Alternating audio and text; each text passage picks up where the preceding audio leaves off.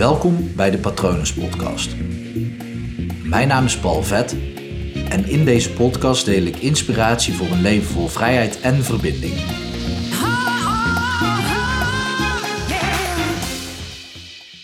Complimenten krijgen is gevaarlijk.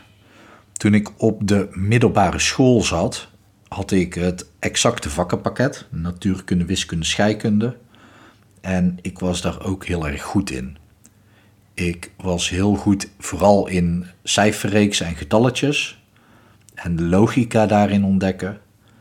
Ik had een natuurkundeleraar die, ja, die was zo enthousiast dat eh, eigenlijk moest je het of superleuk vinden of extreem haten.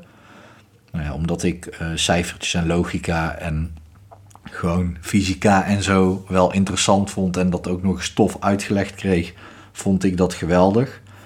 En al heel mijn leven vond ik proefjes doen heel erg leuk. En uh, bij scheikunde deden we dat regelmatig, los van de wiskundige sommen die we daar ook moesten, moesten leren en oefenen.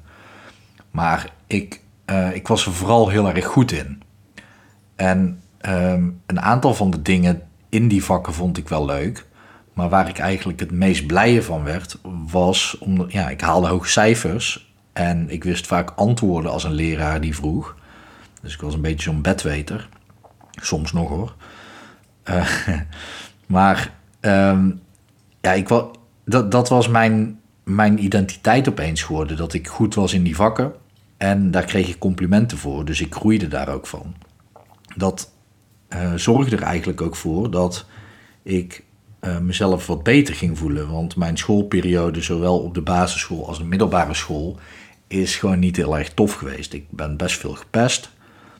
Uh, waarschijnlijk omdat ik zo'n bedweter was. nee, uh, over pesten gesproken. Um, ik geloof dat het nooit aan de gepeste ligt. En daar laat ik het even bij. Ik wil daar in een andere aflevering echt wel heel wat meer over zeggen. Uh, dus ik neem het heel serieus. Aangezien het mij ook is overkomen. Maar goed, ik um, uiteindelijk, ik werd nooit gepest omdat ik goed was in iets. En daar zit een groot gevaar in. Uh, we, we zijn al snel geneigd, tenminste laat ik voor mezelf spreken, ik ben snel geneigd om iets waar ik goed in ben te verwarren met iets wat ik leuk vind. En op het moment als, als ik dat met elkaar ga verwarren, dan is de kans ook groot dat ik alleen maar dingen ga doen waar ik goed in ben om daar nog beter in te worden. En dan niet uh, omdat ik het leuk vind, maar omdat ik het leuk vind dat andere mensen mij complimenten geven over het feit dat ik dat goed kan. Dat is echt een hele grote mindfuck waar eigenlijk beide partijen niks aan hebben. Want ja, een complimentje geven is leuk, maar dan is het wel handig als de ander het ook fijn vindt en op, oprecht leuk vindt om voor datgene een complimentje te krijgen wat ze ook daadwerkelijk leuk vinden of trots op zijn. Um, dus het is, het is gewoon niet raadzaam om altijd zomaar complimenten over dingen te geven. En ik ben echt voor voorstander van meer complimenten. Hè? Maar geef dan wel complimenten voor de dingen waar de ander iets aan heeft, waar dat hij in wil groeien. Nu ben ik super blij dat ik die complimenten toen heb gehad. Want daardoor had ik toch nog een beetje een leuke schooltijd. Want een, klein gedeelte daarvan was leuk. Uh, maar uiteindelijk ben ik dus gewoon wiskunde, scheikunde en uh, natuurkunde zo leuk gaan vinden. Of ben ik dat zo leuk gaan doen. Vond ik dat uiteindelijk fijn of het minst erger. Dat ik gewoon chemie gaan, ben gaan studeren. Terwijl ik toen ik op die, eenmaal op die school zat, zat ik natuurlijk alleen maar tussen mensen die dat goed konden en echt leuk vonden. En na drie kwart jaar kreeg ik acute vijver. En toen lag ik een aantal weken plat op mijn bed. En toen ben ik er gewoon achter gekomen dat ik er geen zak aan vond. dat is logisch, want toen was ik er alleen maar in mijn hoofd mee bezig. En nou ja, met acute vijver is dat maar misschien een half uurtje per dag of niet meer. Uh, want de rest van de tijd sliep ik of was ik te, toch te ja, duizelig, dizzy. Uh, in ieder geval te ver van deze wereld vandaan. Maar toen kwam ik er echt achter dat ik scheikunde helemaal niet leuk vond. Ik vond het gewoon leuk om, om complimenten daarin te krijgen.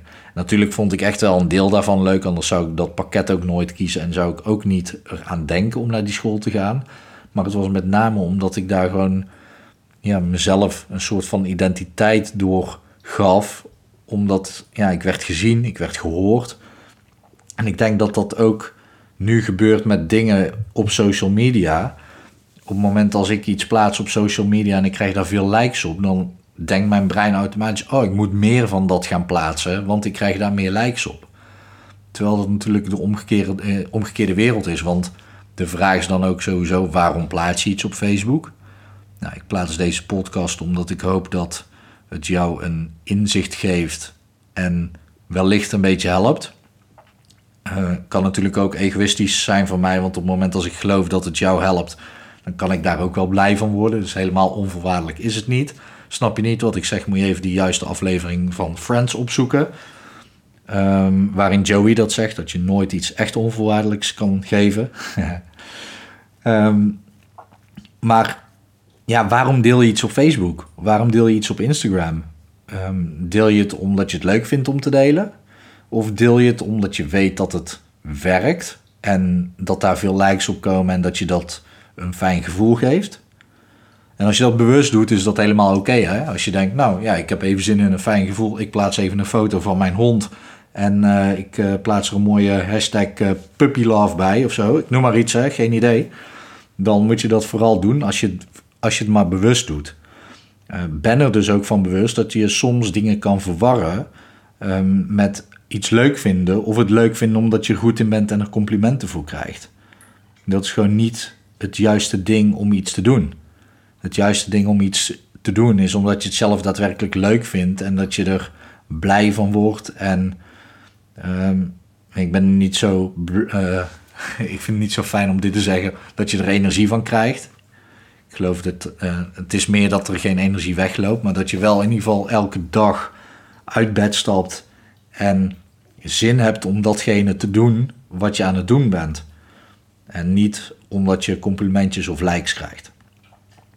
Uh, ik hoor regelmatig Edwin Selei in zijn podcast zeggen: Dit was mijn rant. Zo begint het soms ook een beetje voor mij te voelen alsof ik dit maar even in je oor aan het uh, gooien ben. Zo van: Nou, doe er iets mee. Dit is waar ik tegenaan loop en waar ik soms over nadenk. Nou, ik geloof dat het je wel kan helpen. Uh, en zo niet, dan is dat ook goed. Dan heb je net, ik weet niet hoe lang ik bezig ben. Ik zal eens even kijken of ik dat kan zien. Nee, kan ik niet zien op deze computer. Nou, uh, dat ik in ieder geval een aantal minuten van je leven heb verspild, dan sorry daarvoor.